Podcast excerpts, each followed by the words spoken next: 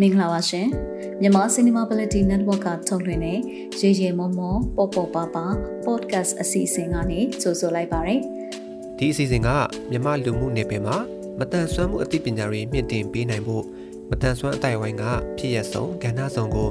မတူညီတဲ့ရှုထောင့်ပေါင်းစုံကနေလွတ်လပ်ပွင့်လင်းတဲ့တွေးခေါ်ဆင်ခြင်နိုင်မှုတွေနဲ့မျှဝေလူကြားသူတွေရဲ့အတန်တွေကိုပြုစုပြောထောင်ဖော်ထုတ်ပေးနေခြင်းဖြစ်ပါတယ်။ ပတ်စဉ်စနေနေ့ည9:00နာရီတိုင်းကျမတို့ရဲ့ Facebook စာမျက်နှာနဲ့ anchor.fm/mca network တို့ကနေစောင့်မျှော်နားဆင်နိုင်မှာဖြစ်ပြီး Anchor ကနေအခြားသော Apple Podcast, Google Podcast, Spotify Breaker နဲ့ Radio Public တို့မှာအပြင် YouTube နဲ့ Telegram တို့မှာလည်းမြန်မာ Cinema Ability Network ရဲ့ channel များကို subscribe လုပ်ပြီးနားထောင်နိုင်ကြောင်းဥစွာအသိပေးလိုပါတယ်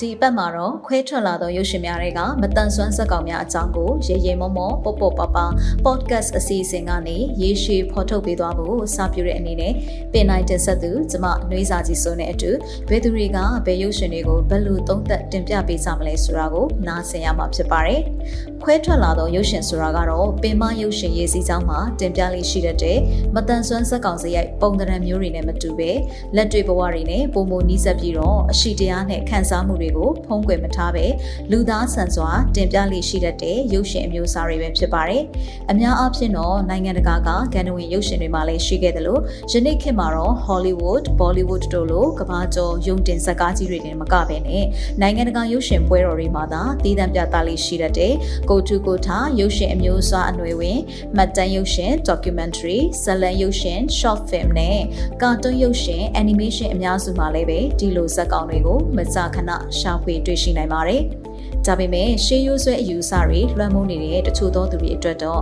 ဒီလိုခွဲထွက်တင်ပြတဲ့ရုပ်ရှင်တွေနဲ့တမူထူးခြားတဲ့မတန်ဆွမ်းဇက်ကောင်စရိုက်တွေကိုအလွယ်တကူလက်ခံနိုင်ဖို့အတွက်တော့လက်တလုံးမှာခက်ခဲကောင်းခက်ခဲနေပါအောင်ပဲ။ဒါဟာကြီးလင်နေတဲ့မှန်တစ်ချက်ကိုပထမဦးဆုံးစတွေ့ဘူးလို့ပဲကြည့်ရသူအတွက်အရှိတရားတစ်ခုကိုအလွယ်တကူလက်ခံဖို့အတွက်တွန်းဆုံနေတတ်တာသဘာဝမဟုတ်လို့ပါ။ ဒီလိုရုပ်ရှင်တွေဟာလည်းငွေကြေးအမြတ်အစွန်းထက်အမှုပညာအကျိုးအမြတ်ကိုပိုတန်ဖိုးထားတတ်ကြသလိုတာမန်ဖြောပြရေးဆန်တဲ့ရုပ်ရှင်တွေနဲ့မတူပဲကွဲထွက်နေစေတာဖြစ်ပါတယ်။မိတ်ဆွေတို့အနေနဲ့လည်းဒီလိုရုပ်ရှင်တွေကိုအခါခွင့်တဲ့အခါ online ပေါ်မှာဖြစ်ဖြစ်ရုပ်ရှင်ပွဲတော်တွေမှာဖြစ်ဖြစ်ရှာဖွေကြည့်ရှုနိုင်ဖို့အတွက်လည်းတစ်စိတ်တစ်ပိုင်းလမ်းညွှန်ပေးဖို့မှာဖြစ်ပါတယ်။ ဒီတော့ခွဲထွက်လာသောရုပ်ရှင်များတွေကမတန်ဆွမ်းဇက်ကောင်များအကြောင်းကိုမိတ်ဆွေတို့အနေနဲ့လည်းကြည့်ရှုမှုတွေဆိုလို့ရှိရင်နောက်နောက်အပိုင်းတွေမှာကျမတို့နဲ့အတူပါဝင်ပြီးတော့တင်ဆက်နိုင်ဖို့အတွက်လည်းဒီပါလေးဖိတ်ခေါ်အပ်ပါတယ်ရှင်။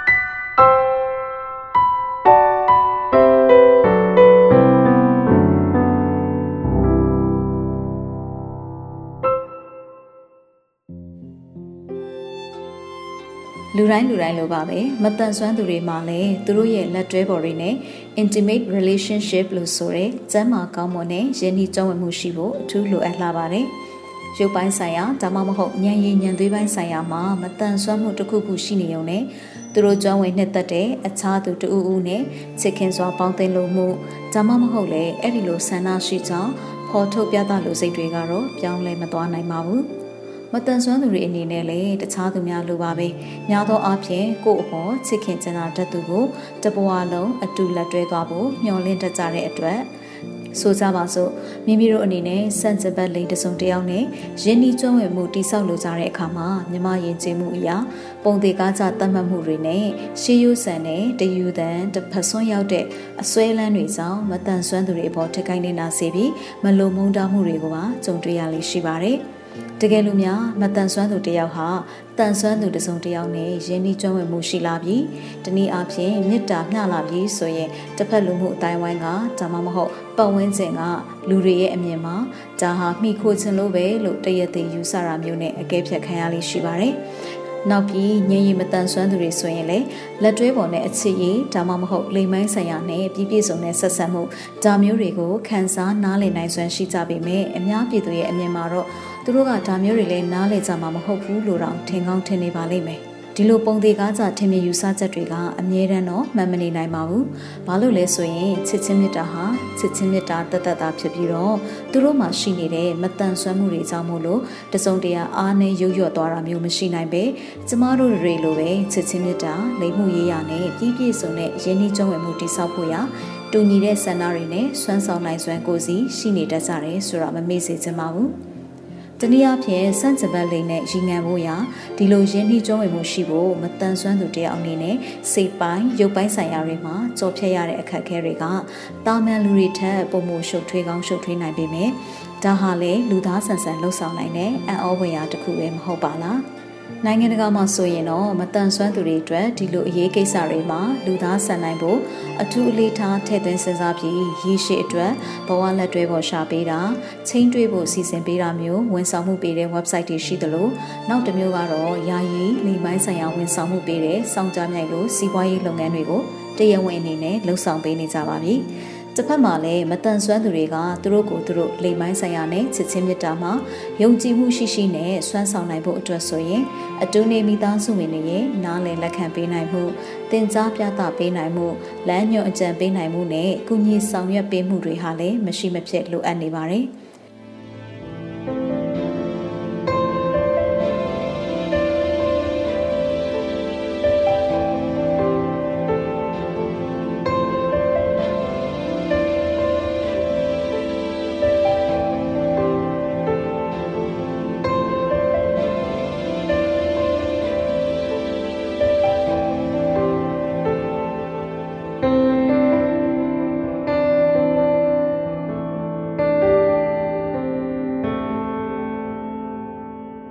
ဘာဖြစ်လို့လဲဆိုတော့ပထမဦးဆုံးဒီလိုဆန္ဒတွေကိုဖော်ထုတ်ပြသနိုင်ဖို့ရာမိမိတို့ကိုယ်စီကမိသားစုဝင်တွေရဲ့ရုပ်ပိုင်းစိတ်ပိုင်းဆိုင်ရာအတားအဆီးတွေကိုအရင်ဆုံးကြော်ဖြတ်ကြရလို့ပါပဲ။နောက်တစ်ဆင့်ကတော့ကိုကျင်လေယာလူမှုအတိုင်းဝန်တနည်းအားဖြင့်ကိုပတ်ဝန်းကျင်ကဆွေမျိုးရင်းချလှုပ်ဖို့ဆောင်ဘက်တငယ်ချင်းမိတ်ဆွေအစရှိသူတွေရဲ့ဝေဖန်ပြစ်တင်မှုတွေအထင်မြင်လွဲမှားမှုတွေနားချဖြောင်းပြမှုတွေနဲ့လှစ်လူရှုမှုတွေအစရှိတဲ့အတားအဆီးတွေကိုထပ်မံပြီးတော့ကြော်ဖြတ်ကြရပါတယ်။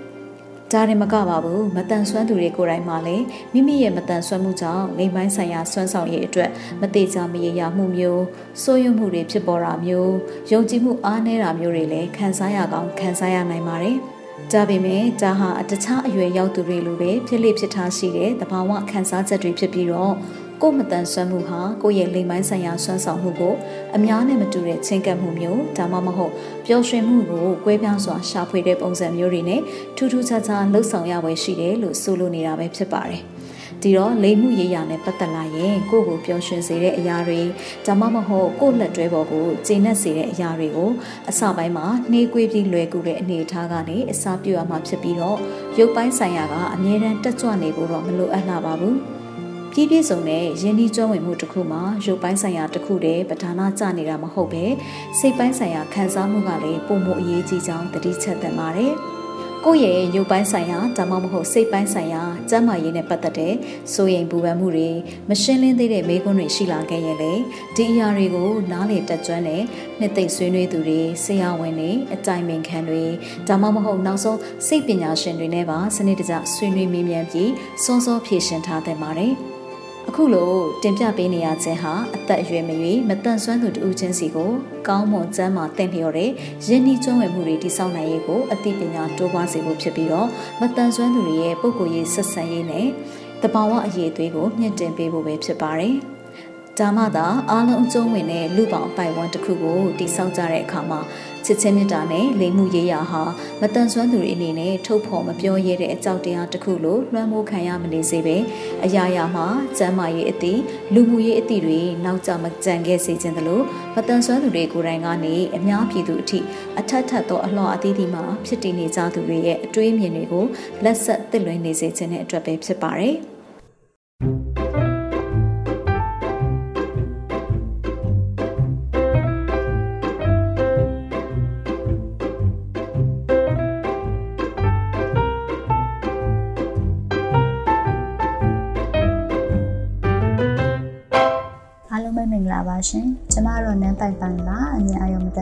န်ဆွမ်းသူတယောက်ဖြစ်ပါတယ်။ကျမလက်ရှိအချိန်ဒီမှာတော့အမြင်အာရုံမတန်ဆွမ်းသူတွေအတွက် home school teacher အဖြစ်နဲ့ရော trainer အဖြစ်နဲ့ပါ freelance လုပ်ဆောင်ရရှိပါတယ်ရှင်။ကျမမှာကိုပိုင်ရွေးချယ်တည်ဆောက်ထားတဲ့မိသားစုလေးရှိပါတယ်။ကျမအမျိုးသားကတော့အမြင်အာရုံမတန်ဆွမ်းသူတူဖြစ်ပါတယ်။ကျမတို့မှာ၄နှစ်အရွယ်သားလေးတစ်ယောက်ရှိပါတယ်ရှင်။ ကျမတို့မတန်ဆွမ်းသူရဲ့အကြောင်းကိုပြောရမယ်ဆိုလို့ရှိရင်တော့ရေစရာနဲသလောက်မောစရာတွေများတယ်ပေါ့နော်ဒါမဲ့လေဒီအခက်ခဲအချက်တဲတွေကြားတွေကနေပြီးတော့မှပဲရုန်းကန်လှုပ်ရှားကြတဲ့အခါမှာအခုဆိုလို့ရှိရင်ကျမတို့မိသားစုလေးကဘာပဲဖြစ်ဖြစ်စိတ်အေးချမ်းသာစွာနဲ့ပေါ့နော်အာနေနိုင်တဲ့အထိုက်လျောက်အောင်မြင်နေတဲ့မိသားစုလေးတစ်ခုဖြစ်တယ်လို့ပြောရင်လည်းမှားမယ်မထင်ပါဘူး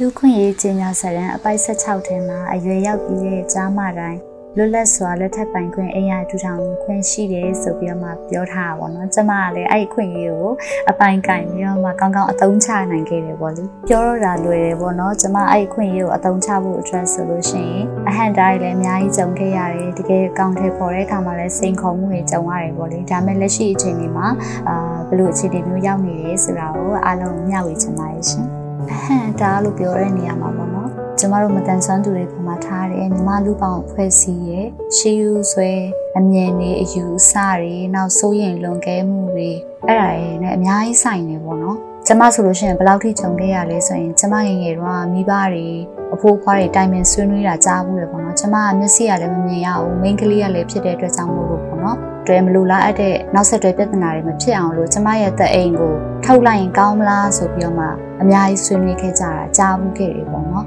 အခုချိန်မှာပြန်စဉ်းစားလိုက်အမလီတော်သေးပါရဲ့ဖះမလို့ပေါ့နော်အခုတော့သားလေးတယောက်တောင်ရနေပြီပေါ့လေဒါဟာစိုးရင်လွန်ကဲမှုပေါ့နော်အဲမတန်ဆွမ်းသူတွေပေါ်မှာစေနာထားတာလို့တစ်ဖက်ကပြောရမယ်တစ်ဖက်ကတော့မတန်ဆွမ်းသူတွေအတွက်ဝေဒနာတွေဖြစ်ရတယ်ပေါ့နော်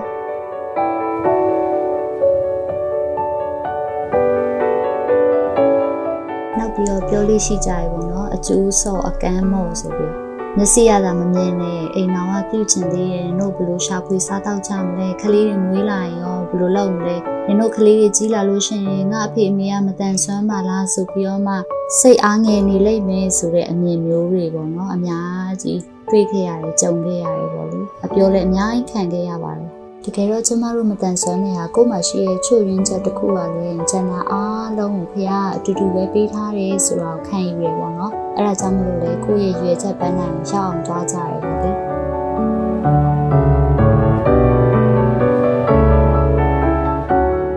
နောက်ပြီးတော့တခြားသူတွေတွေးသလိုမျိုးကိုယ့်ရဲ့ဒီမတန်ဆွမ်းသူတွေမွေးဖွားလာတဲ့သားသမီးတွေကကြီးပြင်းလာလို့ရှိရင်သူတို့ရဲ့အဖေမေကမတန်ဆွမ်းပါလားဆိုပြီးတော့မှ စိတ်အားငယ်နေမယ်ဆိုတဲ့အတွေ့အမျိုးကျမတို့မတန်ဆွမ်းနေမှာမရှိပါဘူးကျမတို့ကတော့ဘယ်လိုတွေးလဲဆိုရင်ဒီမြင့်မြင့်မိဘကမတန်ဆွမ်းမိဘကကိုယ့်ရဲ့သားသမီးတွေကိုကိုယ့်ချောက်ပေါ်ကိုရက်တီလာနိုင်အောင်ပညာတတ်ကြီးရဖြစ်အောင်ပြုစုကျွေးမွေးထိမ့်သိမ်းဆောင်ရှောက်နိုင်တဲ့အတွက်ကြောင့်မို့လို့ပေါ့နော်သားသမီးတွေကပို့ပြီးတော့မှဂုံယူလိမ့်မယ်လို့အဲ့လိုပဲခံယူပါတယ်အဲ့လိုခံယူတဲ့အတွက်ကြောင့်မလို့လေကျမတို့တွေကိုယ်ပိုင်မိသားစုဘဝတွေကိုပြီးဆောက်ခဲ့ကြတာပါ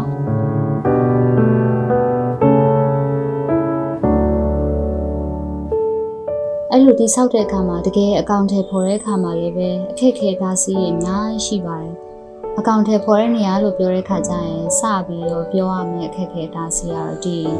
အိမ်ယာထူထောင်တဲ့အခါမှာအဓိကအရေးကြီးတဲ့ဒီမိဂလာဆောင်နေတဲ့နေရာမှာပေါ့နော်။ မင်္ဂလာဆောင်နေဆိုရင်အားလုံးသိကြတဲ့အတိုင်းပဲတန်ဆွမ်းသူတွေမင်္ဂလာဆောင်နေဆိုရင်အိုးနှစ်ဖက်ဆွေမျိုးမိဘအတိုင်းဝိုင်းဆောင်ဆောင်လင်းလင်းနဲ့ရွာလုံးကျွတ်ပေါ်လေနော်ဝိုင်းပြီးတော့လောက်ကင်ကြအခမ်းကြကျွေးမွေးကြလုပ်ပြင်မယ်ကျမတို့မတန်ဆွမ်းသူတွေအိမ်ယာထူထောင်မှုအတွက်မင်္ဂလာဆောင်တော့မယ်ဆိုလို့ရှိရင်သူတို့เจ้าကသူတို့မတန်ဆွမ်းအဖွဲ့အစည်းကလုပ်ပေးလိုက်မယ်ဆိုတဲ့အယူအဆအတွေးခေါ်ရလေအများကြီးမတန်ဆွမ်းသူတွေကြုံရတယ်ပေါ့နော်တကယ်တော့เจ้าဆိုတာပညာသင်ဖို့ နေရာတစ်ခုအဖွဲ့အစည်းဆိုတာဟာတင်ယူစရာပူပေါင်းဆောင်ရွက်စရာနေရာတစ်ခုသာဖြစ်ပါတယ်ကျမတို့ရဲ့မတန်ဆွမ်းသူတွေရဲ့အရေးကိစ္စတွေအားလုံးကိုတာဝန်ယူပေးမယ်ဆိုတဲ့အယူအဆအတွေးခေါ်တွေပေါ့နော်အဲ့ဒီယူဆအတွေးခေါ်တွေကြောင့်ကျမတို့မတန်ဆွမ်းသူတွေအများစုကတော်တော်လေးကိုခံစားကြရတယ်ပေါ့နော်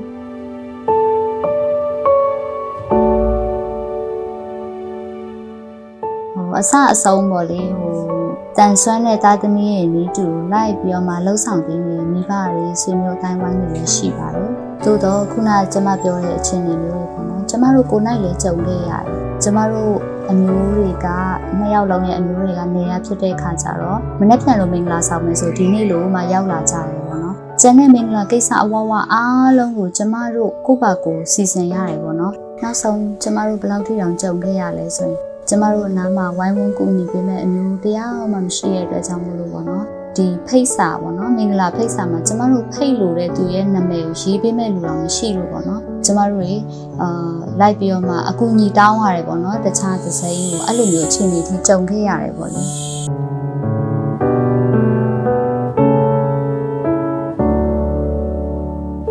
တော့အားလုံးသိကြတဲ့အတိုင်းပဲအိမ်ယာထူထောင်ပြီးပြီဆိုလို့ရှိရင်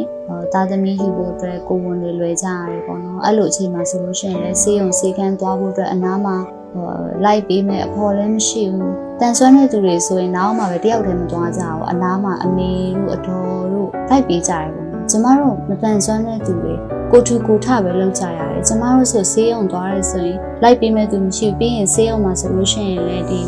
အာအားလုံးသိကြတဲ့အတိုင်းပဲပေါ့နော် အဲဘယ်ပြီးရင်ဘယ်ကိုသွားမယ်ဘယ်နေရာပြီးရင်ဘယ်ကောင်တာကိုသွားမယ်ဆိုတာအများကြီးနဲ့ပဲပြထားတဲ့ခါကျတော့ကျမတို့မမြင်ရဘူးပေါ့နော်အဲ့လိုအခက်ခဲမျိုးတွေအများကြီးကြုံနေရတယ်ဒါပေမဲ့ကျမတို့စိတ်တမကြပါဘူးကျမတို့တွေဖြည့်ရှင်းနိုင်မယ့်နည်းလမ်းကိုအကောင်းဆုံးကြိုးစားပြီးတော့မှရှာခဲ့ကြရပေါ့နော်ခုနပြောသလိုဆေးရုံသွားတဲ့အခါမှာအခက်ခဲရှိတယ်ဆိုရင်ကျမတို့အနားမှာရှိတဲ့ဆေးကန်တစ်ခုခုပေါ့နော်ကိုယ့်ဘက်ကိုတယောက်တည်းသွားနိုင်မယ့်ဆေးကန်တစ်ခုခုကိုရွေးချယ်ပြီးတော့မှပုံမှန်ဆေးပြခဲ့တယ်ပေါ့နော်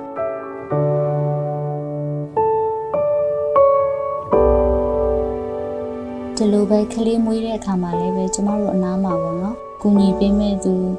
ကြည့်ရှုပေးမဲ့သူဘယ်ဘက်ကအမျိုးကမှလာမနေပေးနိုင်ဘူးပေါ့နော်။ဒါကျမတို့မှမဟုတ်ပါဘူး။အခြားအခြားတော့မတန်ဆွမ်းနေလေဒီလိုပဲကိုထူကိုထပဲရက်တည်ကြရတယ်ပေါ့နော်။အဲကျမတို့ဆိုရင်အမျိုးသား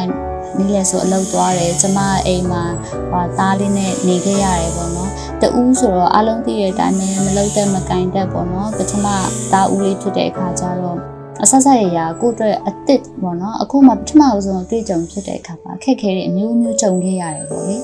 ဥမာအပြင်ဆိုရင်ခလေးစေးတိုက်တယ်ဆိုလို့ရှိရင်လည်းဘယ် limit မှာရက်ရမယ်ဆိုရဲပေါ့နော်ဥမာ5မီဆိုရင်5မီခွတ်တဝက်ဆိုရင်ကျမတို့ကမနေ့သတိထားပြီးထည့်ယူရတယ်ပြီးတော့နောက်ဆုံးခလေးလက်သေးညှက်တာပေါ့နော်အလုံးပေါ့နော်ကြုံဘူးကြမယ်ကိုလက်သေးကိုညက်ရင်နောက်မှပဲတစ်ခါလေးကျရင်အထဲရမ်းဝင်သွားတဲ့ခါကျရင်3-4ရက်လောက်ထိနာတယ်ပေါ့နော် အခုဒီခလေးပေါက်စနလေးရဲ့လက်သေးကိုမျက်စိမမြင်တဲ့အဖေအမေကညှက်ပေးရတယ်ဆိုတဲ့ဒုက္ခကလည်းမသိဘူးပေါ့နော်ဒါပေမဲ့လည်းကျမတို့တွေဒီလိုပဲကြိုးစားယူခဲ့ရတယ်ပထမသားလေးကိုလက်သေးဆဆညှက်ပေးခြင်းတော့ဆိုရင်ကျမဆိုလက်ဖြားတွေအေးဆက်ပြီးတော့ပေါ့နော်နောက်ပိုင်းတော့လည်းအခုတော့လည်းကျွမ်းကျင်အဆင့်ဖြစ်သွားတယ်ပေါ့နော်ဒီလိုပါပဲကျမတို့ပထမဦးဆုံးအတွေ့အကြုံကနေမှတစ်ဆင့်ကျမတို့ကျွမ်းကျင်တဲ့အဆင့်ကြီးကိုတခုပြီးနဲ့သင်ယူခဲ့ကြရတယ်ပေါ့လေ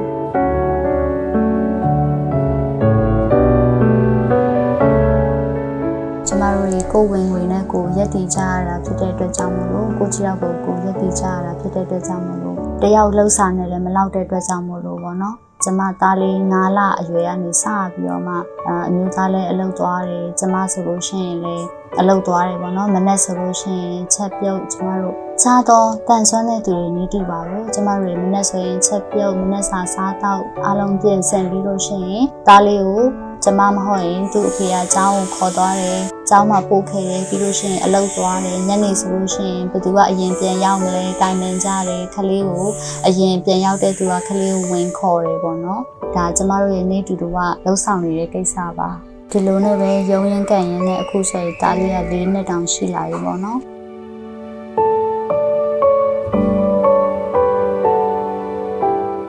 မတို့ဘယ်လိုအခက်အခဲပဲကြုံနေရပါစေအပေါင်းလက္ခဏာဆောင်တဲ့အတွေ့အမြင်တွေနဲ့အကောင်းဆုံးကြိုးစားရုန်းကန်ခဲ့တဲ့အခါမှာအခုလိုအခြေအနေထိရောက်ခဲ့ရပါဘူး။ဒါလေးကိုဆိုလို့ရှိရင်လည်းအကောင်းဆုံးတင်ပြပေးနိုင်တယ်။အာမိဘတွေကမျက်စိမမြင်ရလို့ဆိုပြီးတော့မှမရှက်အောင်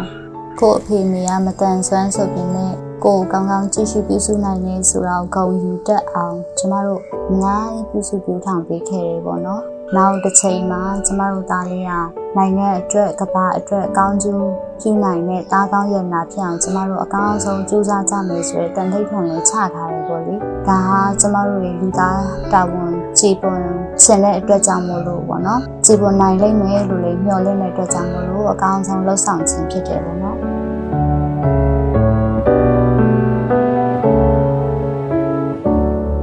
အထက်မှာပြောခဲ့တဲ့အဟံတားတွေစိုးရင်လွန်ကဲခြင်းတွေဟာအပြစ်တင်လူစိတ်နဲ့ပြောခြင်းမဟုတ်ပါဘူးမသိဘဲနဲ့ဖြစ်ခဲ့တဲ့အရာတွေဖြစ်ပါတယ်အခုချိန်မှာတော့ကျမတို့မတန်ဆွမ်းသူတွေအားလုံးကိုလူသားဆန်စွာကိုယ့်ရဲ့အတွေးအမြင်တွေကနေတဆင့်လွတ်လပ်စွာပြန်တန်းခွင့်ပြုကြပါလို့ပြောချင်ပါတယ်ရှင် ဟုတ်ကဲ့အခုလိုကျမတို့ရဲ့အတွေ့အကြုံလေးကိုဝေမျှခွင့်ပေးတဲ့အတွက်ကြောင့်မလို့ကျေးဇူးတင်ပါတယ်။နာတော်တာဆင်ကြတဲ့သူတွေအားလုံးလည်းပဲကျမပြောတဲ့အထဲမှာအမှားတွေပါရှိခဲ့မယ်ဆိုရင်ခွင့်လွှတ်ပေးဖို့တောင်းပန်ပါတယ်ရှင်။ ဒီအစီအစဉ်လေးကတဆင်ကျမတို့မတန်ဆွမ်းတဲ့သူတွေကိုလွတ်လပ်စွာပြန်တန်းခွင့်ပြုချလိမ့်မယ်လို့မျှော်လင့်ပါတယ်။ကျမစာလေးတစ်ခုမှာသူတည်တနာလောက်တာတွေ့ပြီးရပေါ့နော်။ဒီအိမ်အောင်ပြုတဲ့သူတွေကအိမ်အောင်မပြုတဲ့သူတွေထက်ပိုပြီးတော့မှအသက်ရှည်ရှည်နေရတယ်လို့ပြောပါတယ်။အဲကြောင့်မလို့ကျမတို့မတန်ဆွမ်းတဲ့သူတွေပိုပြီးတော့မှ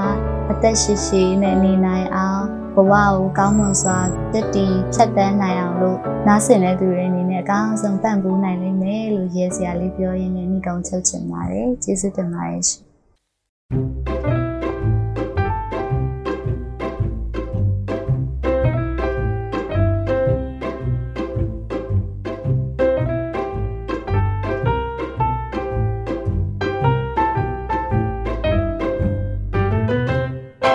ရာသီဥတုကအရန်အင်းနေပါတယ်ခင်ဗျ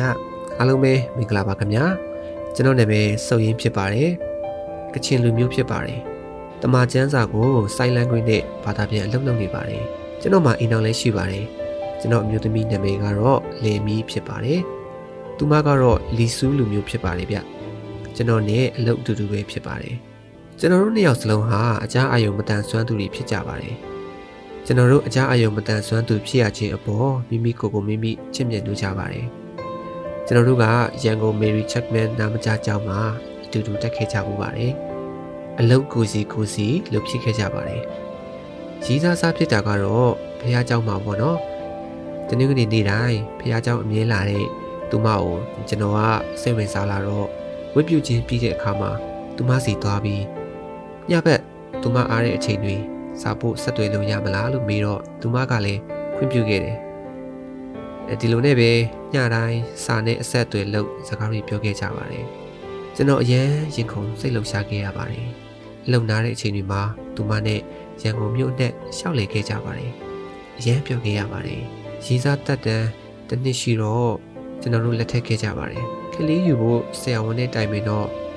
ကျွန်တော်မှာဘီပိုးတွေ့တာရင်အမျိုးသမီးလေးကျမ်းမာရေးအဆင်မပြေတာတွေရှိတော့ဆရာဝန်ညွှန်ကြားတဲ့အတိုင်းဆေးတောက်ပြီးစောင့်ခဲ့ကြပါတယ်။အိမ်အောင်သက်နှစ်နှစ်မြောက်မှာတော့သမီးလေးကိုမွေးဖွားနိုင်ခဲ့ပါတယ်။ သမီးလေးနာမည်ကတော့မက်ရိမ့်မြော်ဖြစ်ပါတယ်။အခုဆိုရင်ကျွန်တော်တို့မိသားစုပျော်ရွှင်စွာရှိနေကြပါတယ်။ကျွန်တော်တို့ကြားအာယုံမတန်ဆွမ်းတဲ့သူတွေလည်းကိုယ်ပိုင်မိသားစုဘဝလေးကိုတည်ဆောက်နိုင်ကြပါတယ်ခင်ဗျာ။ကျေးဇူးတင်ပါတယ်ခင်ဗျာ။မ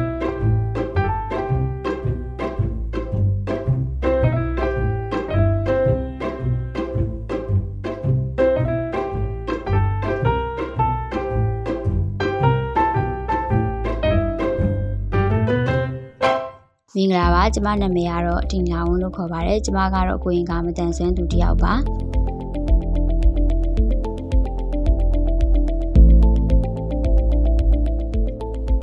ကျမနဲ့ကျမမျိုးသားနဲ့လက်ထပ်တော်မယ်ဆိုတဲ့အချိန်မှာကျမတို့တွေနှစ်ဖက်မိဘတွေကိုအာဆွေးနွေးတိုင်ပင်တာမျိုးတွေရှိရပေါ့နော်အဲ့ဒီအချိန်မှာတော့ကျမရဲ့မိဘတွေကတော့ကျမကိုအိမ်တော်မပြုစေချင်ကြဘူးပေါ့နော်အဓိကကဘာလို့လဲဆိုတော့ကျမကသမီးမိန်းကလေးလည်းဖြစ်တယ်အတန်ဆွမ်းသူလည်းဖြစ်တဲ့ခါကျတော့ကျမနဲ့အိမ်တော်ပြုမယ်ကျမရဲ့အိမ်တော်ဘက်ကကျမကိုရေရှည်တီးခံနိုင်မှာမလားပေါ့နော်ရေရှည်အိမ်တော်ရေးတီးမြဲပါမလားဆိုရင်ဆိုရင်စိတ်တွေနဲ့သူတို့ကျမကိုဟိုတားခဲ့ကြတယ်ပေါ့နော်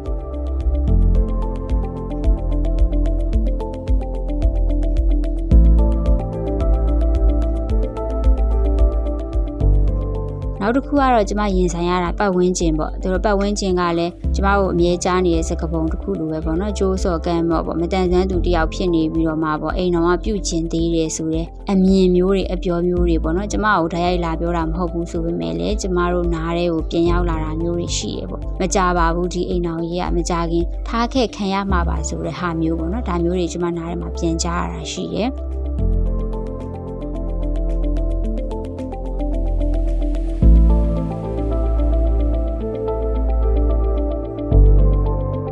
ပေမဲ့ကျမမျိုးသားရောကျမရောတူညီတဲ့စိတ်တဘောထားတစ်ခုကဘာလဲဆိုတဲ့အခါကျတော့ကျမတို့တွေအိမ်အောင်ကြီးကိုအကောင်းဆုံးတိဆောက်ကြမယ်တကယ်လို့စိတ်တဘောထားမတိုက်ဆိုင်လို့ကျမတို့ဒီအိမ်အောင်တစ်ခုရဲ့လမ်းခုလက်မှာတစ်ခုခုဖြစ်ခဲ့ရင်တောင်မှဒါဟာမတန်ဆွမ်းမှုနဲ့မဆိုင်ဘူးကြာဟိုတဘာဝဖြစ်ကိုဖြစ်စဉ်တစ်ခုပဲတယောက်နဲ့တယောက်စိတ်တဘောထားချင်းမတိုက်ဆိုင်တဲ့အခါတယောက်နဲ့တယောက်ဟိုရှစ်ဆက်ဖို့အဆင်ပြေတော့တဲ့အခါကွဲကြရဲဆိုတာဒါတဘာဝတစ်ခုပဲဆိုပြီးတော့ကျမတို့အဲ့လိုမျိုးစိတ်တဘောထားပြီးတော့ကျမအိမ်အောင်ပြုခဲ့တယ်ပေါ့နော်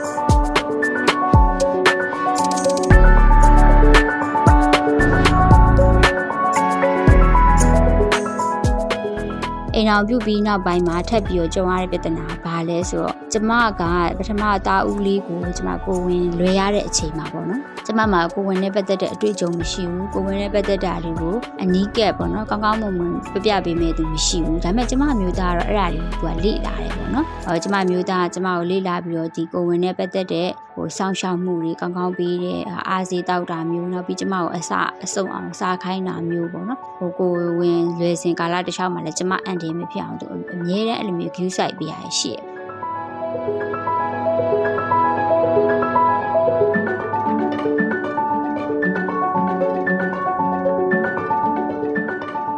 ်ပြဿနာပါလဲဆိုပတ်ဝန်းကျင်ပေါ့ပတ်ဝန်းကျင်ကကျတော့ဟိုကျမကိုပေါ့နော်ဟိုဒီကိုဝင်ဆောင်လိုက်တဲ့ကိုဝင်ဆောင်တဲ့ချိန်မှာလာပြီးတော့အကြံဉာဏ်ပေးတာတွေအများကြီးရှိတာပေါ့အဲ့အကြံဉာဏ်ပေးရပါလဲဆိုတော့အာခါဒီသပင်းအဟွာသပင်းမပါမှာဆိုလို့အဆက်တွေမစားရဘူးစုံပေါ့နော်အဲ့လိုမျိုးအကြံဉာဏ်ပေးတာတွေအပြင်မတန်ဆွမ်းသူတယောက်ကမွေးဖွားလာတဲ့ကလေးကလေးဟာမတန်ဆွမ်းသူဖြစ်မှာစိုးရိမ်နေဆိုတဲ့ဟာမျိုးတွေပါဟိုကျမကိုပြောလာတာမျိုးရှိရပေါ့နော်အဲ့ခံမှာဘာလဲဆိုတော့ကျမကိုယ်တိုင်ကလည်းအဲ့ဒီအပေါ်မှာအယုံကြည်မရှိဘူးဆိုရင်စိတ်ပိုင်းဆိုင်ရာတော့ကျမထိခိုက်ခံစားရတယ်ပေါ့နော် အဲ့ဒါမျိုးတွေကိုခဏခဏကြားရတဲ့အခါမှာစိတ်ပိုင်းဆိုင်ရာထိခိုက်မှုတော့ခံစားရတယ်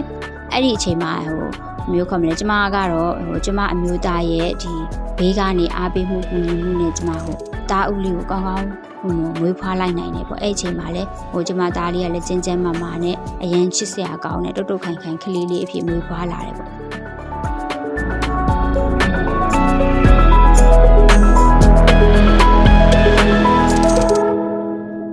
ချိန်မှာထက်ကြုံရတဲ့ပြဿနာပါလဲဆိုတော့ကျမတို့ဒီနေတဲ့နေရာက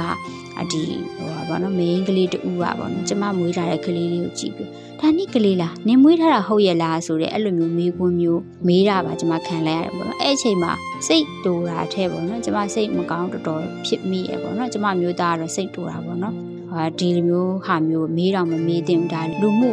ကျင့်ဝတ်နဲ့မညီဘူးဆိုပြီးကျမမျိုးသားစိတ်ဆိုးရပေါ့နော်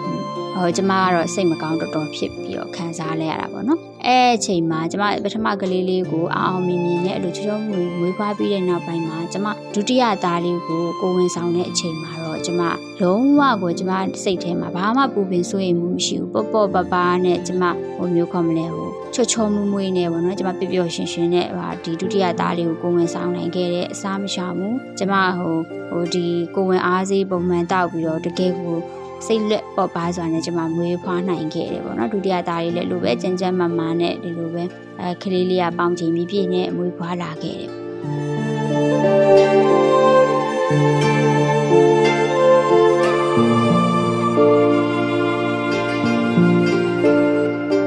အဲ့ဒီမှာကျမတို့ထပ်ပြီးတော့ကျမကလေးလေးတွေတော်တော်ကြီးမှာပေါ့နော်ကျမအင်တာဗျူးတစ်ခုထည့်ကြုံရတဲ့အခါမှာကျမဘယ်လိုမျိုးမျိုးအမေးခံရတယ်ဆိုတဲ့အခါကျတော့ အမားတဲ့တကယ်လို့များအမားသားလေးတွေကကြီးလာတဲ့အချိန်မှာတဲ့အမကမတန်ဆွမ်းဖြစ်နေတာမျိုးတဲ့သူတို့တဲ့ရှက်တယ်ဟိုသူတို့ကရှက်နေတယ်ဆိုရယ်ခံစားချက်မျိုးခံစားရရင်တဲ့ဟိုတဲ့အမအနေနဲ့ဟို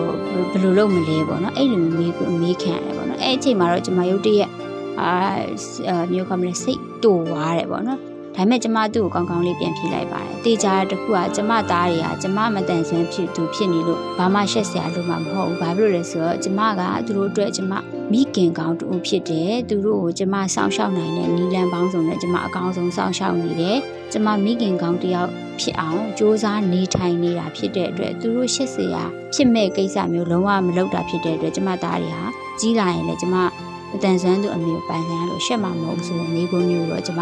ဖြေခဲ့လိုက်တယ်ပေါ့ဒါပေမဲ့လည်းနောက်ပိုင်းမှာကျမစိတ်တန်ရသွားပါလဲဆိုကျမအင်တာဗျူးတွေမဖြေချင်တော့ဘူးဆိုစိတ်တန်ရတော့ကျမရသွားခဲ့တယ်ပေါ့နော်အာအဲ့လိုမျိုးပေါ့နော်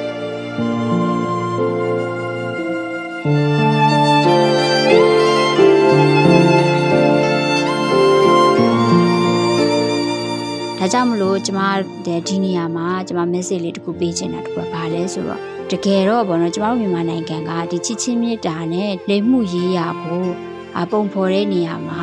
မကောင်းတဲ့ဘက်ကနေပုံဖော်ကြတာများတယ်ပေါ့နော်ဒီချစ်ချင်းမြတ်တာနဲ့ဒီလိမ်မှုရေးရာဆိုတာအမြဲတွန့်တွဲနေတာပေါ့နော်အမြဲတွန့်တွဲနေတာဖြစ်တယ်တိချခွဲထားလို့ရတဲ့အရာမဟုတ်ဘူး ကျမတို့မတန်ဆွမ်းနေဟာလဲချစ်ချင်းမြတ်တာအပေါ်မှာမျှဝေခွင့်ကောခံယူခွင့်ကောကျမတို့မတန်ဆွမ်းသူအလုံးနဲ့ထိုက်တန်ပါတယ်မတန်ဆွမ်းအားလုံးကဟိုမျိုးခေါ်မလဲဒီဟာတွေအားလုံးနဲ့သက်ဆိုင်ပါတယ်ပေါ့နော်ဒါလေးပြပြချင်ပါတယ်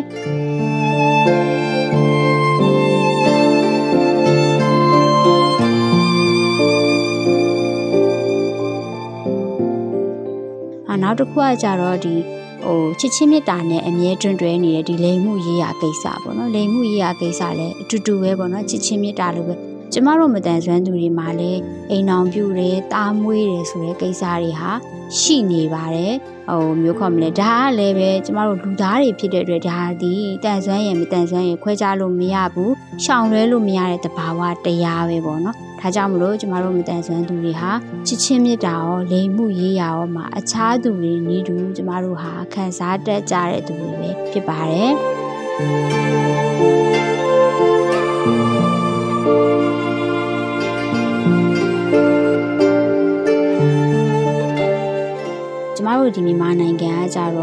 ဘလို့ခံယူချက်ရှိလဲဆိုတော့ဟိုဒီအခြားသောတန်ဆွမ်းသူတွေကဒါရဲ့ချစ်ချင်းမြတ်တာနဲ့လိမ်မှုရေးရမှာသက်ဆိုင်ပြီးတော့ကျမတို့မတန်ဆွမ်းနေကြတော့ချစ်ချင်းမြတ်တာနဲ့လိမ်မှုရေးရမှာဘာမှမဆိုင်တဲ့သူတွေလိုမျိုးမြင်နေတဲ့အမြင်တွေရှိရပေါ့နော်ဒီလိုအမြင်တွေကိုတော့ဟိုဟိုကျမအနေနဲ့ဟိုမျိုးခေါ်မလဲချောချစေခြင်းနဲ့ဆိုတာထက်ပေါ့နော်ဒီလိုအမြင်တွေမမြင်သင့်ဘူးဆိုတာလေးကိုကျမဒီနေရာမှာပြပြချင်ပါတယ်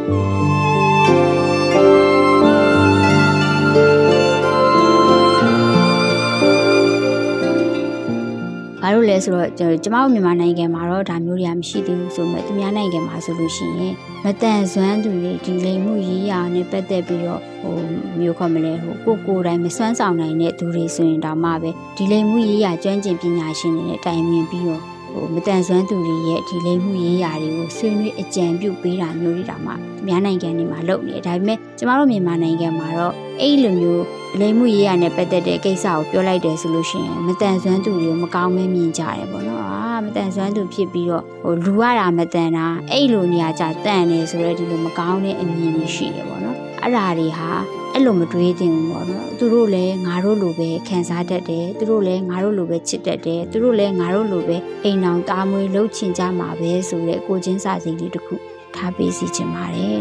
ကျေးဇူးတင်ပါတယ်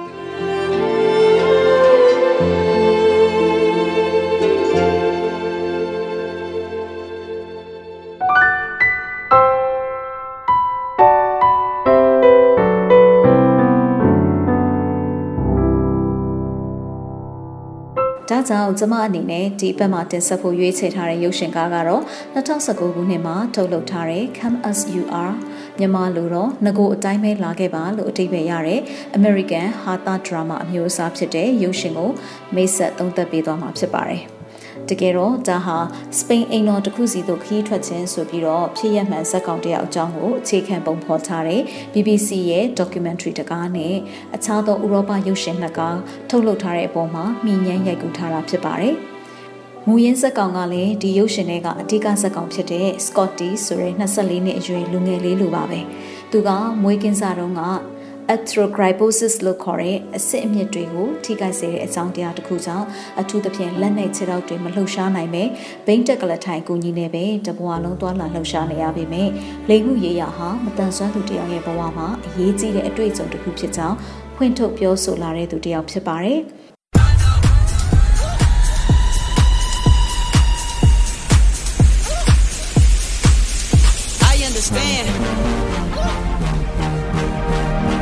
understand.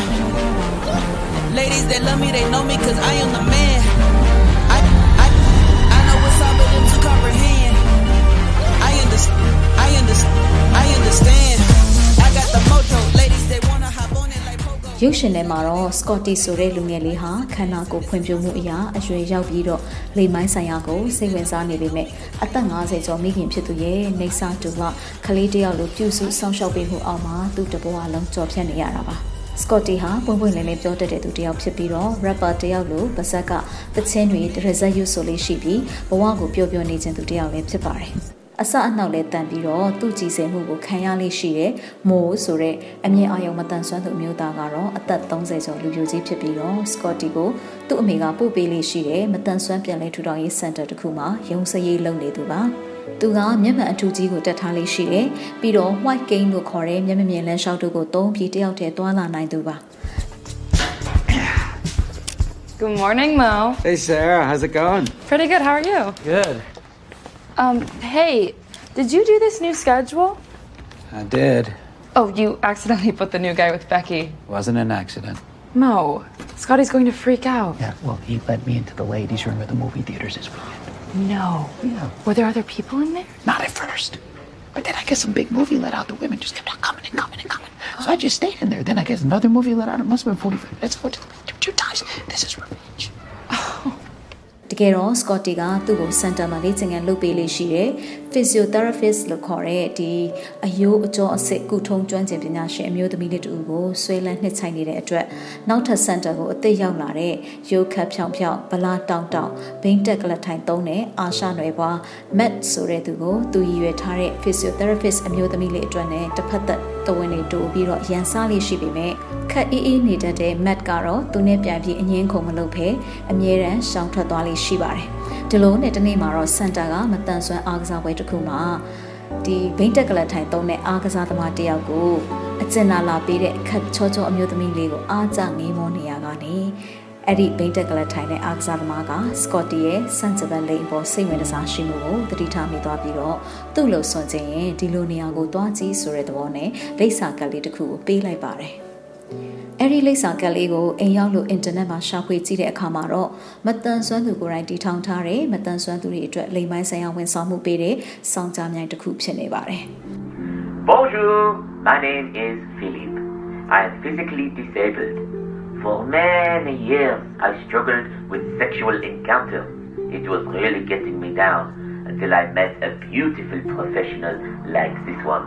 And then I decided to open my own brothel to help people like you. Welcome to the Chateau Paradis. Come as you are. ဒီတော့စကော့တီတယောက်ကားတစ်စီးငှားပြီးကနေဒါနိုင်ငံမွန်ထရီယယ်မြို့ကအဲ့ဒီဆောင်ကြမြိုင်ကိုသွားဖို့အတွက်သူတဝန်တိုးပြီးတိတ်ကြည့်မရတဲ့မက်ရဲ့သူအနိုင်ကျင့်လို့ရတဲ့မိုးရဲ့အဲ့ဒီနှစ်ယောက်ကိုစီယုံมาတော့တယ် ဒီလိုနဲ့အိမ်ကားမိဘတွေမသိရအောင်ခိုးထွက်တဲ့မနက်မှာပဲသူတို့၃ယောက်ကိုကားမောင်းပေးမဲ့ဆမ်လို့နာမည်သိထားတဲ့သူဟာလူမဲအမျိုးသမီးတစ်ယောက်ဖြစ်နေတဲ့အခါလမ်းတစ်လျှောက်မှာသူတို့ရဲ့လျှို့ဝှက်ကိစ္စအတွက်ဆမ်နဲ့ညှိနှိုင်းမှုတွေအချိန်ချင်းခါခါလုပ်ရပါတယ်လမ်းမှာတညတဲမဲ့ဟိုတယ်ရောက်တဲ့အခါမှာဆမ်ဟာဝါရဲသူဖြစ်တဲ့အတွက်တနေ့ကုန်ကားမောင်းထားတဲ့ပင်ပန်းမှုတွေကြောင့်စီချိုတွေတက်ပြီးမူးမေ့လဲသွားပါလေရော အဲ့ဒီအဖြစ်ပြက်နဲ့မရှိမနှောင်းမှာပဲစကော့တီရဲ့အမေနဲ့မက်ရဲ့အဖေတို့ဟာဟိုတယ်ကိုနောက်ကလိုက်လာစုံစမ်းမှန်းသိကြတဲ့အခါမှာတော့ခြေထောက်ကောင်းတဲ့အမြင်အာရုံမတန်ဆွမ်းသူမိုးကိုကားမောင်းဖို့အတွက်မက်ကပါဇက်နဲ့လမ်းညွှန်ပေးပြီးစကော့တီကတော့မြေပုံကြည့်ရင်၃ယောက်ပူပေါင်းမှုနဲ့ဟိုတယ်ကနေထွက်ပြေးကြပါတယ် Uh, you're, you're gonna be great, Mo. Just, you know, most people drive like they're blind anyway, so uh, I got this in the bag. Okay, Mo. I'm gonna put the car into gear. And on my signal, I want you to slowly take your right foot off the brake on my signal. Okay. Okay? Okay. Now slowly take your right foot off the brake. Now. You're doing great. You're doing great. A little more. A little more. A little more. Okay. Break. Break. Break. Break. Break. Break. Brake. Brake. Brake. Brake. The fuck? What happened? What do you mean what happened? What happened? Okay. Fuck. All right, guys. It's now or never. No. Never. Mo. ဒီလိုနဲ့မိဘတွေကိုခြေရဖျောက်လာနိုင်ပေမဲ့ဒီအမြင့်အာယုံမတန်ဆွမ်းနေမှုကသူနည်းနည်းလေးကားမောင်းလို့ကောင်းလာတဲ့အခါမှာ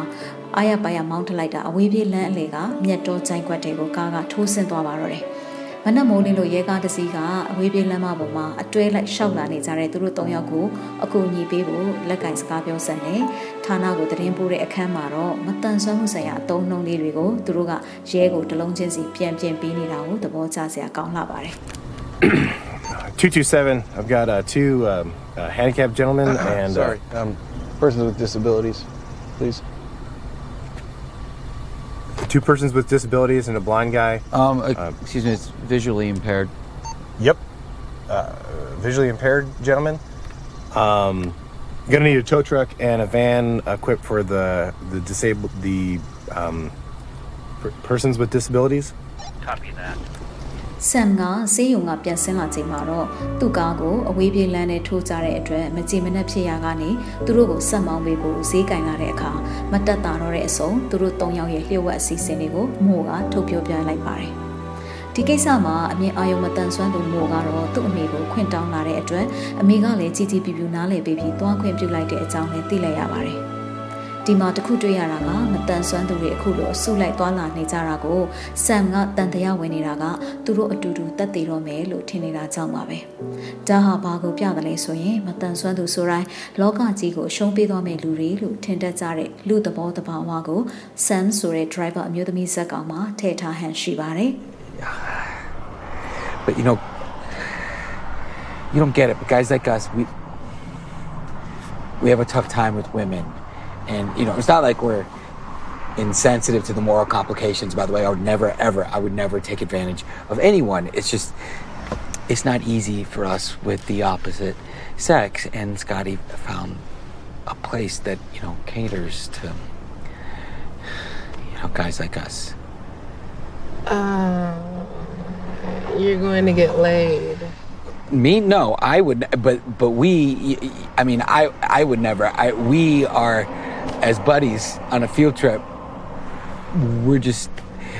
yeah. Thank God. I thought you guys had a suicide pact or something. Suicide pact. ဒီလိုနဲ့အားလုံးပုံပွင့်လင်းလင်းတည်သွားပြီးတဲ့အခါမှာတော့လမ်းတစ်လျှောက်မှာအခက်အခဲတွေကိုအတူတူကြော်ဖြတ်လာကြရင်နောက်ဆုံးမှာမိဘတွေကဟိုတယ်တစ်ခုမှာသူတို့ကိုရှာဖွေတွေ့ရှိသွားပါတယ်။အဲ့ဒီအချိန်မှာတော့မိုနဲ့ မတ်တို့ကစကော့တီအပေါ်မှာလွှဲချပြီးတော့တယောက်တစ်မျိုးကိုလွတ်ယုံပြောဆိုမှုလေးတွေကိုတွေ့ရပေမဲ့နောက်ဆုံးမှာမိခင်နှစ်ယောက်ကတစ်ဖက်ဖခင်ကတစ်ဖက်စောင်းကြမြိုင်သွားဖို့ခွင့်ပြုမပြုကောင်းချင်းဆိုင်မြင်ကြပါတော့တယ်။စကော့တီနဲ့မတ်တို့ရဲ့မိခင်တွေကတော့ဒီလိုသွားတာကိုခွင့်ပြုပေးမဲ့အပြင်ထပ်ဆောင်အသုံးစရိတ်တွေပါသူတို့သားတွေကိုစီစဉ်ပေးမယ်ဆိုတဲ့အခါအာရှနွယ်ပါအဆက်ကြောက်ကြီးတဲ့မတ်ရဲ့အဖေဟာလည်းတားခွင့်မရတော့ပဲသဘောတူခွင့်ပြုလိုက်ရပါတော့တယ်။ မိဘတွေဟာခရီးဆက်ထွက်ဖို့ကားပေါ်တက်သွားကြတဲ့သူတို့အုပ်စုကိုဟိုတယ်ထဲကရက်ကြည့်နေခဲ့တဲ့အခန်းဟာလည်းအမတန်ကိုစိတ်ထဲမှာတုန်လှုပ်ရပါတယ်။မိဘတွေရဲ့နားလည်ပေးနိုင်စွမ်းတွေဖြည့်ဆည်းပေးနိုင်စွမ်းတွေကိုစာနာမိတယ်လို့တစ်ဖက်မှာလည်းကိုယ်ဆန္ဒကိုရဲရဲဝံ့ဝံ့ဖော်ထုတ်ရေးဆိုလာကြတယ်မတန်ဆွမ်းလူငယ်တွေရဲ့ဆန္ဒကိုလည်းသူတို့မျက်နှာကိုယ်စီမှာလေးစားရာပြနေလို့ပါပဲ ဒီလိုနဲ့သူတို့တွေဟာစိန်အပြည့်နဲ့ဟိုတယ်တစ်ခုမှာမိဘတွေရဲ့အထောက်ပံ့နဲ့တဲရင်စောင်းကြမြိုင်သွားမယ့်နေ့အတွက်ကြိုတင်ပြင်ဆင်ကြပါတော့တယ် C'est l'histoire d'une trêve que j'avais demandé, c'est l'histoire d'un soleil que j'avais espéré, c'est l'histoire d'un amour que je croyais vivant, c'est l'histoire d'un beau jour que moi petit enfant je voulais très heureux. Pour toute la planète je voulais, j'espérais que la paix règne en mettre en ce soir de Noël. Mais tout a continué, mais tout a continué, mais tout a continué. ဒီမှာရင်ကျမရဲ့ဆက်ကြောင်းတင်ပြမှုကို spoiler မဖြစ်ချင်တော့လို့ရပ်လိုက်ပါတော့မယ်။နောက်ဆက်တွဲအနေနဲ့သူတို့၃ယောက်လုံးရဲ့လိန်ဆန္ဒကိုတကယ်ပဲစောင့်ကြနိုင်ကဖြည့်ဆည်းပေးနိုင်ပါလား။လိန်တွေ့ကြုံတွေရပြီးသွားတဲ့အခါမှာသူတို့ရဲ့စိတ်ခံစားမှုတွေဘယ်လိုပြောင်းလဲသွားမလဲ။သူတို့အိမ်ကိုရော ချောချောမောမောပြန်လာနိုင်အောင်မလားစတဲ့မိကုမောများစွာအတွက်မိတ်ဆွေကိုယ်တိုင်လည်း screen ပေါ်မှာဆက်လက်ရှုစားဖို့ကျွန်မကလမ်းညွှန်ပေးချင်ပါတယ်။ဒါဟာအသက်16နှစ်နဲ့အထက်အရွယ်ရောက်သူတိုင်းကြည့်လို့ရတဲ့ရုပ်ရှင်အမျိုးအစားဖြစ်ပြီးတော့မြန်မာဘာသာစာရင်းထုနဲ့ကြည့်ကျင်နေဆိုရင်တော့ Channel မြန်မာမှာ Come As You Are လို့ရိုက်ထည့်ပြီးရှောက်ပြနိုင်ပါတယ်။နောက်ဆုံးစဝင်ကမ်းမှာ Scotty ဆိုသွားတဲ့ rap တခြင်းစာသားလေးတွေကလည်းအမတန်ကိုလူသားဆန်စွာရဲရဲဝံ့ဝံ့ဖော်ထုတ်ရေးဆက်ထားတာကိုတွေ့ရပါတယ်။ Clap your hands, everybody. We're here to celebrate a life. I tried. Coming to you live, this is Scotty in the steeple, here to rap a eulogy to all you lovely people. Stand up if you can while I stay seated. This ain't a party for pity, that shit is unneeded. It's a celebration of this guy right here who taught me not to be a pussy and overcome my fears. I'm a glass half empty, but I can still be full, and I don't need my limbs to bear my soul. So wipe away your tears and hear my story about three horny cripples on a quest for glory. Matt was hesitant at first when I told him the plan. I tail it to a whorehouse in a handy van. This particular brothel sat north of the border, which for these three dudes was a pretty tall order. But he came on board and we were road tripping. Gotta find some better ladies, cause these hoes tripping. We were unstable, disabled, and tired of the dislabels. It was our turn to turn tables and prove we weren't unable to get it up and get it in. I'm not sorry, Father, for I have sinned. So what we can't walk, so what we can't see, we just getting off like human beings, and it's not our fault, it's not how we asked to be. We don't find some dignity. So what we can't walk, so what we can't see, we just getting off like human beings, and it's not our fault, it's not how we asked to be. We gon' find some dignity. Find some dignity. I gotta say, it's kinda odd to find myself preaching in the house of God. After all, it was He who put me in this chair with no means to escape or avoid the stairs. Then biceps came along, taught me to power through, to go with my flow and just do what I do. To not let the wheels beneath me halt the wheels in my mind. And now my engine is revving, and my pistons are firing, and my brain is awake, and my gear is in drive. Thanks to my friend Matt. Finally alive. So this one's for Matt. He made ဒီရုပ်ရှင်လေးကနေမတန်ဆွမ်းသူတွေရဲ့ချစ်ချင်းမြတ်တာအရေးနဲ့လိမ်မှုရေးရာတွေကိုလေ့လူရှုမထားတဲ့တယ်လို့ဒီနေရာမှာလည်းသူတို့ရဲ့ဒန်းတူအခွင့်အရေးရနိုင်ဖို့အတွက်ကိုသူတို့ဆန္ဒသဘောထားကိုလေးစားလက်ခံနားလည်ပေးပြီးထည့်သွင်းစဉ်းစားပေးနိုင်ဖို့ရာဒီရုပ်ရှင်တွေကဇက်ကောင်တွေကနေတဆင့်ကြည့်ရှုသူတွေကိုယ်တိုင်ပူးဝင်ခံစားခွင့်ရမယ်ရုပ်ရှင်ကားကောင်းလေးတစ်ကားဖြစ်တဲ့အတွက်မိတ်ဆက်တင်ပြပေးရခြင်းဖြစ်ပါတယ်။ အခုလိုလိမ်မှုရေးရပွင့်လင်းမှုဆိုတဲ့စကားလုံးဟာမြမမတန်ဆွမ်းအတိုက်ဝန်းမှာဆိုရင်လေထုတ်ဖော်ဖွင့်ဟပြောလေသိမ့်မရှိကြပဲအထူးသဖြင့်အဆက်အကြောက်ကြီးစေတဲ့စကားလုံးပဲဖြစ်ပါတယ်ဒီတော့ဒီရုပ်ရှင်ကိုမိတ်ဆက်ပေးတာဟာမတန်ဆွမ်းလူငယ်တွေကိုဒီထဲကစက်ကောင်တွေလိုလမ်းမလိုက်အောင်နီးပေးလမ်းပြလုပ်နေတာလားလို့အထင်မြင်မှားကျင်စရာလည်းကောင်းလာပါတယ်။ ဒါပေမဲ့ကျမအနေနဲ့ဒီနေရာမှာတခုသတိထပ်ပေးချင်တာကတော့ဒီဇက်လန်ကိုကျမရဲ့တင်ဆက်မှုကြားယုံလောက်နဲ့ပဲမပြေးသွားစေချင်ပါဘူးဒီရုပ်ရှင်ကိုတစ်ခေါက်လောက်အချိန်ပေးခန်းစားကြည့်မှရုပ်ရှင်ကပေးလိုက်တဲ့ရက်တော်တွေကိုအပြည့်အဝခန်းစားနိုင်မှာဖြစ်တယ်လို့ဒီရုပ်ရှင်ကဘာကိုပြောချင်တာလဲဒါကိုကြည့်ပြီးတဲ့အခါကိုယ့်ရဲ့ခန်းစားချက်ဒါမှမဟုတ်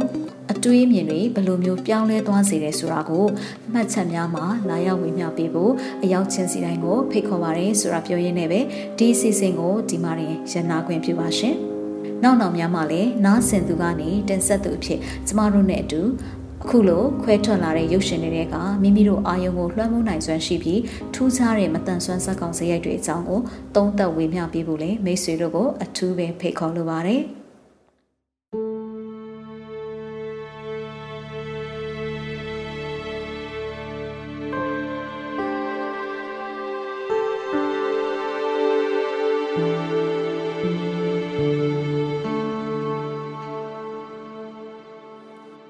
ဒီအစီအစဉ်ကနေပါဝင်ဖော်ထုတ်တင်ဆက်ပေးကြသူအရောက်စီတိုင်းနဲ့စ조사ကူညီချိတ်ဆက်ပေးခဲ့ကြသူများကို MCA Network အနေနဲ့အထူးပဲကျေးဇူးတင်ကြောင်းဒီနေရာကနေဂါရဝတရားရှိထားပြီးပြောကြားလိုပါတယ်။ယခုအစီအစဉ်ကိုမိတ်ဆွေတို့အနေနဲ့အစအဆုံးနားထောင်ပြီးပြီဆိုရင်တော့မိမိတို့ရဲ့သဘောထားမှတ်ချက်များကို Anchor မှာအတန်နဲ့စာနှမျိုးလုံးနဲ့ဖြစ်စေ Facebook မှာစာနဲ့ဓာတ်ပုံနှမျိုးလုံးနဲ့ဖြစ်စေပေးနိုင်ပါပြီနော်။ ဒီအစီအစဉ်နဲ့ပတ်သက်ပြီးမိတ်ဆွေတို့ရဲ့မှတ်ချက်ပေးခြင်းအကြံဉာဏ်ပေးခြင်းမေးမြန်းခြင်းတို့ကိုလည်းအထူးပဲဖိတ်ခေါ်ပါရစေ။မိမိတို့ရဲ့ပူပေါင်းတင်ဆက်မှုအတွက်ဒါမှမဟုတ်စုံစမ်းမေးမြန်းမှုအတွက်စိတ်ဝင်စားတယ်ဆိုရင်တော့ myanmarcinemaability@gmail.com ဒါမှမဟုတ်တင်ဆက်သူများရဲ့ Viber နံပါတ်များဖြစ်တဲ့ကိုပြည့်39 26 125 6493နဲ့မနွေ39 453939 6935နှစ်တို့ကိုဆက်သွယ်ဆောင်ရွက်နိုင်ပါတယ်မိတ်ဆွေတို့အနေနဲ့ဒီစီစဉ်ကိုမတည်သေးသူများတည်ဖို့လိုအပ်နေသူများမတန်ဆွမ်းအရေးကိုမိမိတို့ရဲ့လုပ်ငန်းခွင်အသီးသီးမှာထည့်သွင်းဆောင်ရွက်ဖို့စိတ်ဝင်စားသူမြည်သူကိုမဆိုထပ်ဆင့်ဝေမျှပေးရင်သတင်းကောင်းပေးနိုင်ပါတယ်။မြန်မာပြည်သူပြည်သားများအားလုံးမတန်ဆွမ်းမှုအသိပညာတွေတိုးပွားကခွဲခြားဆက်ဆံမှုကင်းပြီးအားလုံးအကျုံးဝင်တဲ့လူမှုအတိုင်းအဝန်တစ်ခုကိုအ မြန်ဆုံးဖော်ဆောင်နိုင်ပါစေလို့ဆန္ဒပြုရင်းဒီကနေ့အစီအစဉ်ကိုဒီမှာရန်နာပါရစေ။တောတာရှင်အားလုံးနေ့ရက်အသက်တိုင်းမှာကောင်းစည်းမင်္ဂလာပေါင်းများစွာရယူပိုင်ဆိုင်နိုင်ပါစေလို့လည်းကျွန်မကဆုတောင်းမြတ်တာပို့တာအပ်ပါတယ်။နောက်ပတ်စနေနေ့ည9:00နာရီမှာပြန်ဆောင်ကြရအောင်နော်။